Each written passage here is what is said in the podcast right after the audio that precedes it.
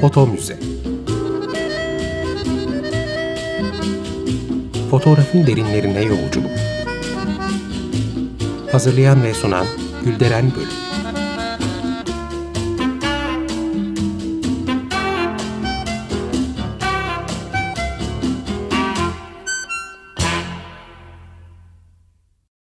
Merhaba Açık Radyo dinleyicileri, fotoğraf tarihçiniz ben Gülderen Bölük. Bir foto müze programında daha birlikteyiz. Bizi Foto Müze Türkiye adlı Instagram ve Twitter hesabından takip edebilir, her türlü öneri, soru ve paylaşımlarınızı iletebilirsiniz. Bugün size fotoğrafla resmin etkileşimini anlatmak istiyorum. Özellikle fotoğrafın ilk dönemlerinde her iki sanat arasında sıkı bir bağ, bir ilişki söz konusu. Biraz dargın, biraz barışık. Birbirlerini pek çok açıdan etkileyen bu iki sanatta sınırlar bazen birbirine karışıyor. Bazen de araya mesafe giriyor. Bu ilişkiyi anlatmadan evvel konuyla ilgili bana kaynaklık eden eserleri detaylı bir şekilde sosyal medya hesaplarımızdan bulabileceğinizi hatırlatayım. Evet konumuza dönersek. Geçtiğimiz programlarda fotoğraf sahneye çıktığında ressamların telaşa kapıldıklarından söz etmiştim. Üstelik bu yersiz de bir telaş değildi. Portre ressamlarının çoğu işinden oldu. Her türlü portre ressamı. Yağlı boya portreler, minyatür portreler, hatta gravür portreler kısa sürede yok olup gitti. Ekonomik durumları gittikçe kötüleyen kimi ressamlar da çareyi fotoğrafçılık yapmakta buldular. Üstelik içlerinde bu yeni icadı ruhsuz ve duygusuz olarak niteleyenler de vardı. Ama ne yaparsınız ki para kazanma mecburiyeti de hayatın bir gerçeği. İlk başlarda yani resimle fotoğrafın işlevinin henüz birbirinden çok ayrılmadığı 19. yüzyılda her iki sanat pek çok açıdan birbirini etkilemiştir. İlk fotoğrafçıların büyük kısmının ressam ve gravürcü olması etkileşimi güçlendiren nedenlerden. Bu isimlerin en başında fotoğrafın mucidi Daguerre'i saymalıyız. Çağdaşlarından etkilenmiş olan Daguerre, Jericho, Delacroix gibi dönemin önde gelen ressamlarını yakından takip eden biriydi. Ardından Gustave Le Gray, Roger Fenton, Jean Horace Verney, Frederick Goupil Feske, David Octavius Hill, efendim Charles Negre, Charles Marville gibi isimleri sayabiliriz. Ki fotoğraf tarihinde iz bırakmış bu kişilerin mesleki geçmişlerinde e, ve fotoğraf çalışmalarında resim sanatının etkileri rahatlıkla gözlenir. Bir diğer önemli isim geriye olağanüstü portre fotoğrafları bırakan Gaspar Felix Tournachon Nadar'dır ki çalışmaları gelmiş geçmiş en başarılı portreler olarak kabul edilir. Aynı zamanda karikatürist olan Nadar, Paris'in önde gelen ressam, sanatçı ve edebiyatçılarıyla yakın ilişki içindeydi. Bir grup izlenimci ressam da ilk sergilerini onun fotoğraf stüdyosunda açtı. Yeni bir meslek olarak fotoğrafçılığı seçen ilk kişilerin ressam olması veya en azından resimden anlaması bu iki sanat arasındaki ilişkiyi güçlendirdi. Kendini bu mesleğe adapte eden ressamlar şanslıydılar ama esnek davranamayanlar bahsettiğim gibi işinden olduğu ve birçok güçlükle mücadele etmek zorunda kaldı. Bu talihsizler, talihsizler büyük bir yetenekle bilgi ve emekle ortaya koydukları işleri, fotoğraf makinesi denen bu yeni aletin daha kısa sürede ve daha gerçekçi bir şekilde yapıyor olması karşısında herhalde büyük bir çaresizlik hissetmiş olmalılar. Aslında tıpkı fotoğrafın yaptığı gibi kimi yeni icadın bazı meslekleri işlevsiz kıldığını tarih sayfaları kaydetmiş. Mesela matbaa. Matbaa insan hayatına girdikten sonra hattatlık, minyatür ve tesip ustalığı önemini yitirdi. O güne kadar elle yazılan ve elle çoğaltılan kitaplar yeni buluş baskı makineleri sayesinde hızla ve kolaylıkla basılıp çoğaltılabildi. İşte fotoğrafın icadı da böyle bir etki yaptı. Portre ressamları, minyatür ressamları, bilimsel bitki ressamları, tarihçilerle birlikte hareket eden, sosyal ve etnik pek çok konuyu çizerek kayıt altına alan ressamları işlevsiz kıldı. Şaşkınlığı üzerinden atabilenler, gelecek vadeden bu yeni alanda şanslarını denemiş, resim bilgisini fotoğrafa yansıtabilenlerse oldukça başarılı işler ortaya koymuştur. Fakat şunu da belirteyim ki resim ve fotoğraf arasında var olduğunu söylediğim ilişki tek taraflı bir ilişki değil. Resim sanatı fotoğrafı nasıl yönlendirdiyse fotoğrafın da resim sanatına etkileri oldu. Konuşmamız ilerledikçe bunlara da değineceğim. Pek tabii fotoğrafçılığa geçenlerin dışında mesleklerine devam eden ressamlar da vardı. İlginçtir ki onların da birçoğu resim yaparken fotoğrafın nimetlerinden faydalanmayı ihmal etmedi. Özellikle de oryantalist ressamlar. Resimlerinde kullandıkları doğuya özgü detayları ya fotoğraflara bakarak ya da satın aldıkları kıyafet ve eşyaları inceleyerek tuvallerine geçirdiler. Bilindiği gibi doğuya ait mimari öğeler olsun, kumaş desenleri olsun ya da sedef kakma mobilyalar olsun. Bunlar gibi pek çok obje özellikle batılı ressamlar için akılda tutulamayacak detay ve zenginlikteydi. Bu sebeple fotoğraf atölyesinden dışarı çıkmadan iş üreten bu ressamlar için büyük bir yardımcı araç oldu. Oryantalist ressamlarımızdan Osman Hamdi'nin de sık sık fotoğraftan yararlandığı biliniyor. Mimari unsurları, süslemeleri ve yazıları gerçek durumlarıyla yansıtabilmek için fotoğrafları karelere bölerek resimlerine aktardı Osman Hamdi. Ayrıca onun tablolarında sıkça karşımıza çıkan sarıklı erkek figürü de kendisi. Osman Hamdi'nin bu tabloları yaparken çeşitli zamanlarda çektirmiş olduğu kendi fotoğraflarına bakarak yaptığı, yardım aldığı biliniyor. Osmanlı Sarayı'nda ressam olarak görevlendirilen İtalyan Fausto Zonaro da oryantalist resimlerinde özellikle de harem sahnelerinde karısı Elisa'nın çekmiş olduğu fotoğraflardan bolca yararlandı. Paris'te 18 ay fotoğraf eğitimi alan ve istediği zaman hareme girip çıkabilen Elisa'nın çekmiş olduğu fotoğraflardaki genç hanımlar eşi Zonaro'nun resimlerine kaynaklık etti. Ressamlar sadece e, fotoğrafları kareleyip büyüterek resim yapmıyordu. Aynı zamanda 1860'ların başından itibaren çoğu çalışmalarında projeksiyondan da faydalandı. Resimlemek istedikleri e, fotoğraf karesini projeksiyon makinesi sayesinde istedikleri büyüklükte tuvale yansıtıp ardından da bu görüntülerin üzerini yağlı boya, sulu boya, guaj veya pastel boyalarla boyayarak resim yaptılar. Hatta projeksiyondaki görüntüyü ışığa duyarlı hale getirilmiş tuvale doğrudan doğruya aktardıkları bilgisi de kaynaklarda var. Kendi çektiği fotoğrafları kullanan ressamlar kadar Fotoğrafçıların çektiklerini kullananlar da var. Mesela Jean-Auguste Dominique Ingres, Gustave Courbet, Edgar Degas, e, Toulouse-Lautrec, Edward e, Munch, efendim Francis Bacon gibi resim dünyasının önemli isimlerini sayabiliriz.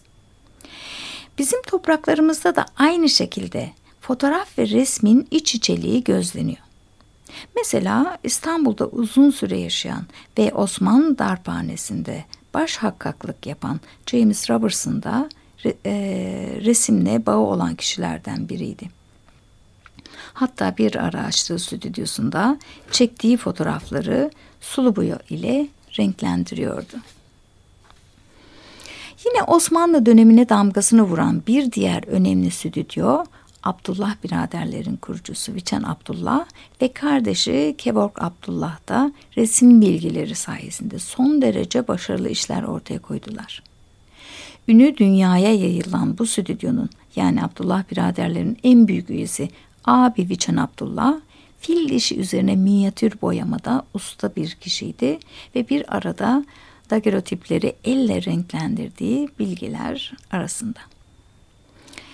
Osmanlı döneminden başlayıp Cumhuriyet dönemine uzanan oldukça uzun bir süre faaliyet gösteren Febüs Fotoğrafhanesi'nin kurucusu Bogos Tarkulyan da resim eğitimi almış ve portre ressamlığı yapmış sanatçılarımızdan biri. Tarkulyan'ın renklendirdiği fotoğraflarla 2. Abdülhamid'in beğenisini kazandığı ve ödüllendirildiği biliniyor. İşte bu stüdyoda ressam Ohannes Kürkçiyan'ın fotoğraftan yağlı boya portreler çalıştığını, İstanbul Askeri Müze ve bazı özel koleksiyonlardaki örneklerden gözlemleyebiliyoruz. Öyle ki Kürkcan kendi ismiyle birlikte çalıştığı atölyenin yani Febüs'ün ismini de eserlerinde belirtmiş. Bir diğer ressam fotoğrafçı da Ferit İbrahim. Hoca Ali Rıza ile yakın ilişki içinde olan İbrahim'in başarılı portre fotoğraflarının ardında yatan resim bilgisidir. Aynı zamanda ilk foto muhabirlerimizden olan Ferit İbrahim stüdyosunda da sık sık tuvalin başına geçerek resim yapmaktaydı. Fotoğrafla resmin iç içeliği sanatçının e, sanatçıların mekanlarında da gözleniyor. Resim atölyelerini ziyaret eden fotoğrafçılar kadar eserlerini fotoğrafhane vitrinlerinde sergileyen ve satışa sunan ressamlar da var. Mesela önemli fotoğrafçılarımızdan Pascal Sabah'la e, kardeşi Cosmi Sabah'ı ele alalım. İki kardeş 1860 yılında aynı stüdyoda çalışmaya başlıyorlar. Fakat Kozmi Sabah 1875 yılında Beyoğlu'nda kendi adına bir stüdyo açıyor. Ve burada kendi çektiği fotoğrafların yanı sıra İstanbullu ressamların tablolarını da satışa çıkarıyor. Yani ressam ve fotoğrafçılar arasındaki ilişkilerde mekanlarda iç içe. Ee, aynı şekilde az önce sözünü ettiğimiz Abdullah biraderlerde stüdyonun vitrininde Osman Hamdi Bey, e, Sarkis Dranyan, efendim e, Stanislav Hlevoski gibi ressamların resimlerini sergiliyor. Ayrıca Osman Hamdi Bey'in dünyaca ünlü hocası Jean-Léon Jerome 1875 yılında ikinci kez geldi İstanbul'da dostları Abdullah biraderlerde kalmış ve bazı tablolarında onların fotoğraflarından yararlanmış. E, stüdyolarımızdan örnekleri aslında daha da çoğaltabiliriz ama sözü çok uzatmadan ilk fotoğrafçılarımızın resim yeteneklerini vurgulayarak en azından resim yapmasalar bile bilgi ve ilgilerin olduğunu söyleyerek konuyu toparlamak istiyorum. Ayrıca fotoğraf stüdyolarının ressamlar içinde çalışma mekanları olduğunu bir kez daha altını çizmek istiyorum. Evet sevgili dinleyiciler, şimdi küçük bir müzik arası verelim. Bugün sizin için Corinne Bailey Ray'den Put Your Records On adlı parçayı seçtim. Keyifli dakikalar. Three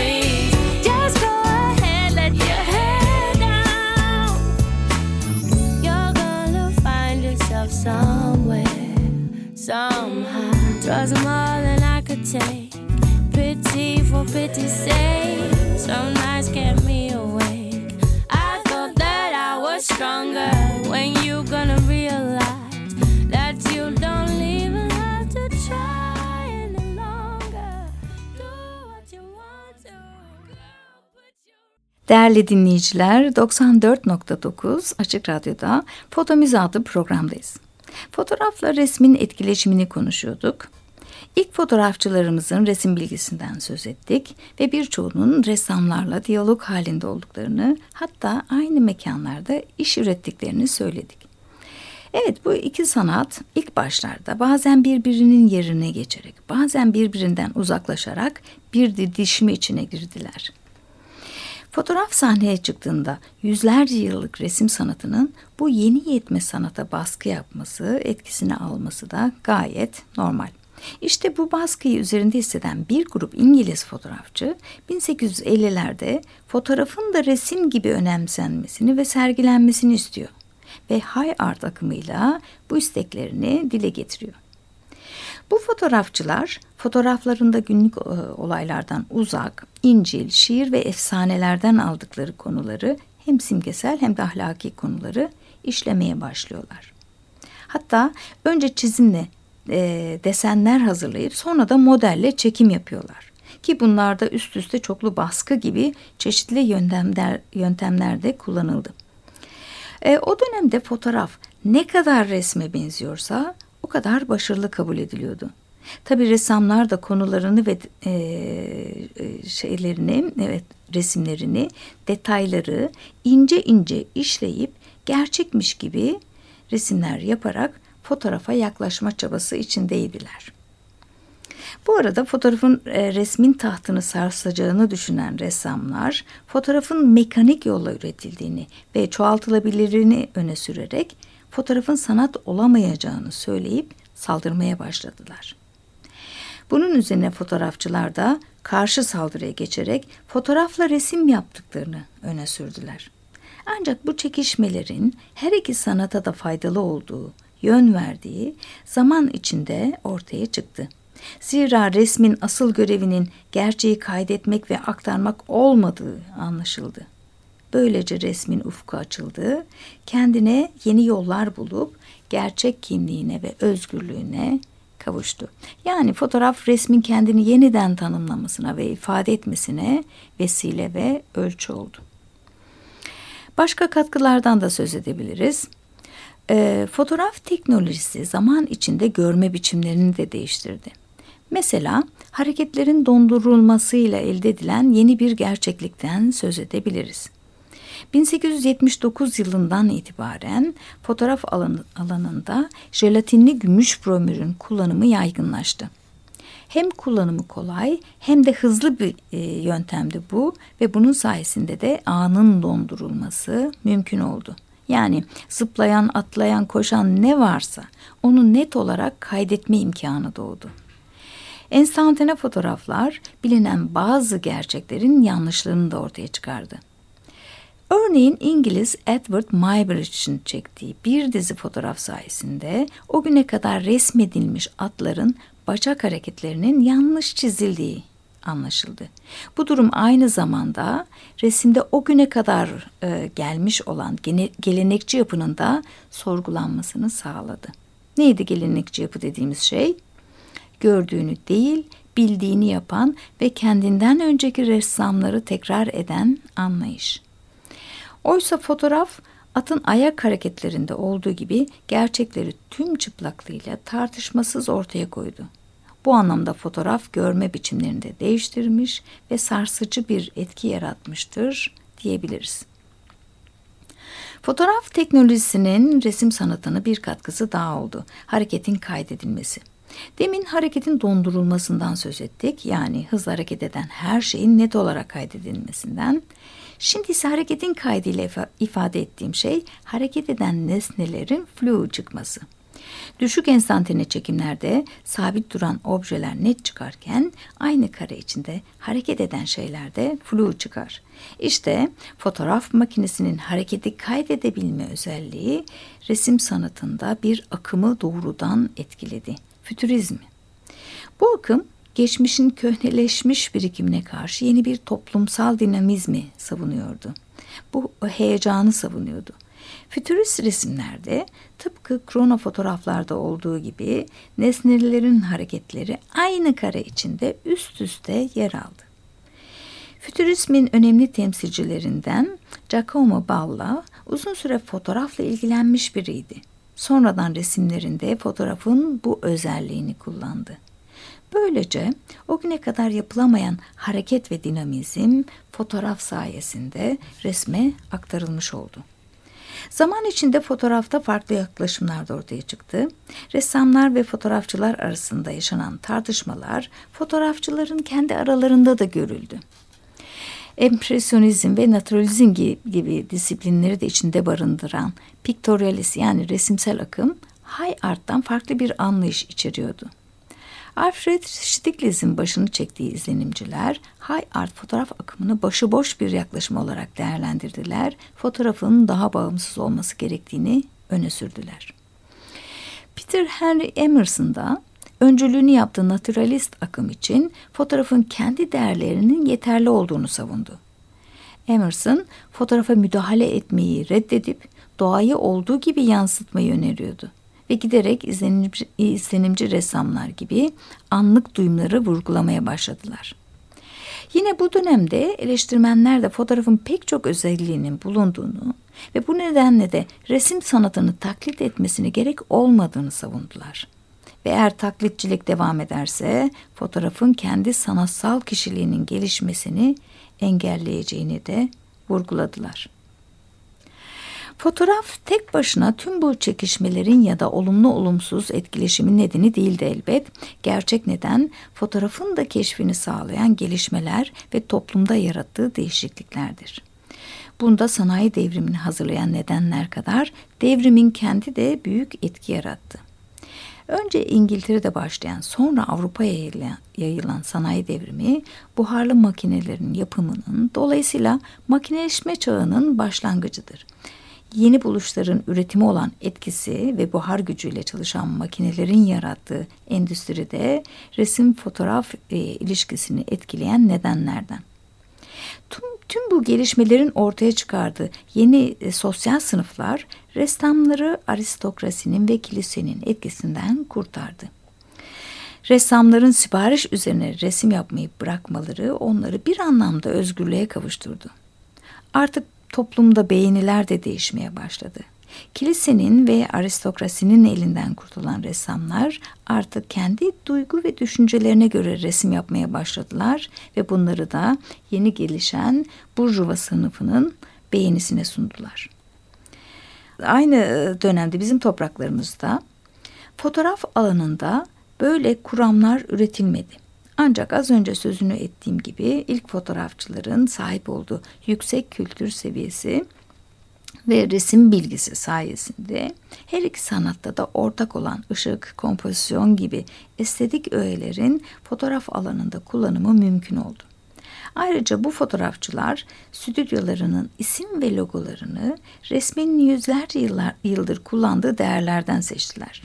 Febius, Apollon, Venüs gibi Yunan e, mitolojisi ve sanatına ait unsurlar stüdyolarımız tarafından isim olarak seçildi. Bir başka örnek fotoressam. İlk Müslüman fotoğrafçılarımızdan Bahattin Bediz'in kalfası Rıza Bey uzun yıllar Şevket Bey'den resim dersleri almış, daha sonra da da e, akademide eğitim görmüş bir isim. Resne'de çalıştıktan sonra Ankara'ya yerleşen Rıza Bey stüdyosuna bu ismi taktı. Galatasaray'daki stüdyolardan foto pastelde buna örnek verilebilir. Ayrıca fotoğraf damgalarında ve fotoğraf kartlarında sıkça rastlanan palet fırça resimleri de yine bu etkilerin izlerini taşıyor. Evet sevgili dinleyiciler, yine programımızın sonuna geldik. Bir başka programda daha buluşuncaya kadar esen kalın. Foto Müze Fotoğrafın derinlerine yolculuk. Hazırlayan ve sunan Gülderen Bölük